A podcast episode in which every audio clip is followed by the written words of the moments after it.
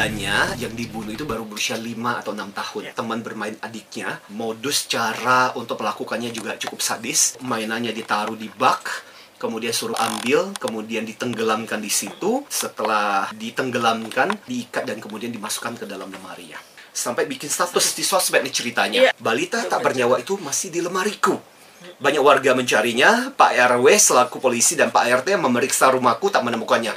Tak ada satupun yang tahu aku pelakunya. Oke, besok aku siap berserah diri. Polisi Aset sendiri nggak percaya waktu ketika dia melaporkan kejadian Iya. itu dan ternyata memang ada mayatnya. Yang bikin orang marah, jengkel se-Indonesia itu adalah karena pada waktu ketika diinterogasi, apakah dia menyesal sama sekali tidak ada penyesal dan bahkan dia mengatakan dia puas bisa melakukan. Secara sudut pandang psikologis, kalau kita perhatikan meninggalkan banyak catatan. Anak ini bukan anak bodoh. Iya. Kemampuan melukisnya menurut saya bagus, Kecerdasan tapi yang paling menarik bukan oke. cuma sekedar melukis, kemampuan dia untuk mengekspresikan idenya itu luar. Biasa. Cuma yang perlu diwaspadai adalah ide seperti apa yang kemudian diekspresikan di situ. Karena ada beberapa kalimat-kalimat yang menurut saya nadanya sedih, nadanya depresif, na- nadanya horor. Iya. All the good girl go to hell. Atau please dad don't make me mad. If you want death, I will make you go to grave. Banyak hal yang sebenarnya perlu jadi kewaspadaan kita. Delapan gejala psikopat pada anak kita. Satu sering kali melawan hukum. Buat mereka adalah hukum aturan itu untuk dilanggar. Ciri yang kedua adalah suka menyiksa binatang. Kemudian suka berbohong, banyak berbohong. Atau temperamental. Apalagi kalau kerencanannya segala sesuatu terbongkar.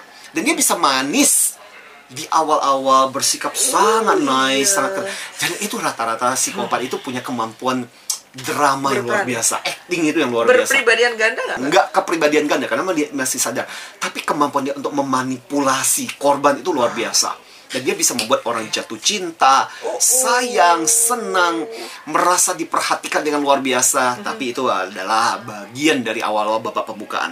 Nomor lima itu dia bisa terobsesi dengan sesuatu secara berlebihan. Dia terobsesi dengan tokoh Slenderman. Benar-benar menjadikan ini sebagai tokoh idola. Tapi tokoh idolanya adalah tokoh idola yang salah. Yang salah. Keliru. Masalahnya adalah mereka sekaligus juga akhirnya menginternalisir dan kemudian mengatakan bahwa apa yang dilakukan oleh si tokoh idolanya ini adalah sesuatu yang bisa dibenarkan. Terus berikutnya adalah nggak bisa berempati. Sampai pernah kejadian di Amerika, psikopat juga pembunuh serial killer sampai ditanya, kamu nggak merasa orang tua dari korban gimana perasaan mereka? Tahu jawabnya? Kalau saya bisa merasakan perasaan mereka, maka saya tidak akan pernah jadi seorang pembunuh. Dan yang berikutnya adalah egois. Center of the world adalah dirinya mereka sendiri. Hidup itu Saya. ada saya. Saya paling penting. Kesenangan saya, kepentingan saya, itulah yang paling Kesedihan penting. saya, pokoknya ya, saya. betul. Kesedihan saya, masalah saya, masalah lu nggak penting, masalah gue yang paling penting. Saya harus Kalau diselesaikan, orang mau berempati malah justru lo nggak ngerti deh. Ya, Itu nah, urusan gue. Nah, yes. Dan yang nomor delapan adalah terbalik-balik hukum di mata dia. Yang salah buat mereka adalah, wah itu toko yang harusnya diidolakan. Mhm. Ya, eh, itu toko yang sebenarnya dizolimi. Yang benar itu kemudian disalahkan. Itu sebenarnya toko yang menindas, toko yang salah. Kita sedikit belajar psikologi grafis, coretan-coretan. Nah, kalau kita perhatikan di kasus pada anak ini kan beberapa coretan-coretan yang muncul. Di situ ada gambar mata. Gambar itu insecure. Dia merasa dirinya diawasi. Mata itu juga bisa menjadi simbol agresivitas. Gambar yang kedua adalah gambar rantai. Di grafis, rantai itu selalu mensimbolkan terkekang, depresi, ada kedukaan, rasa sedih yang kemudian tidak tersalurkan. Dan yang ketiga adalah darah.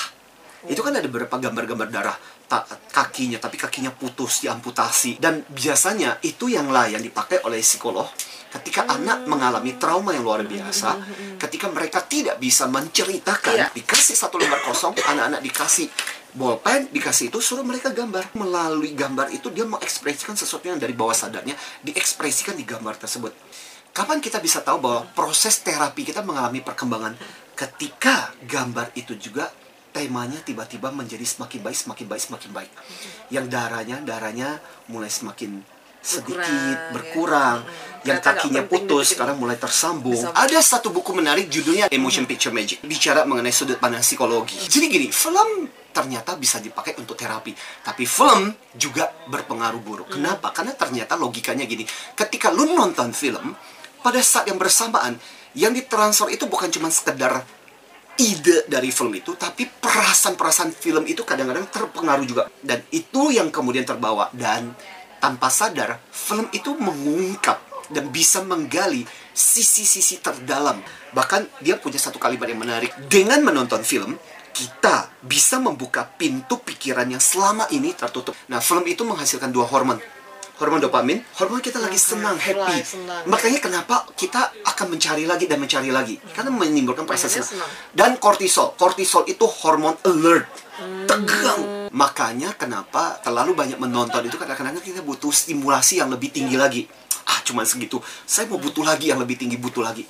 Dan ini bisa menjadi pemuasan yang gak ada henti-hentinya. Sampai ada jurnal namanya Frontier of Psychology bulan Oktober 2019 kemarin melakukan merilis hasil penelitiannya tontonan apalagi tontonan horor, tontonan-tontonan yang kekerasan yang berlebihan membuat penonton kurang berempati. Catatan dari psikologi dari sudut badan kecerdasan emosional, kita mesti pay attention dengan anak kita. Waspadalah Iya. dengan apa yang terjadi dengan perilaku karakternya. Apakah perilakunya antisosial, dorong dia untuk berinteraksi? Iya, betul. Apakah karakternya sering berbohong atau enggak? Yang kedua, aware dengan hasil karyanya. Diari, Hmm, bisa gambar-gambar yang dia atau yang paling gampang lihat dari status sosmed juga.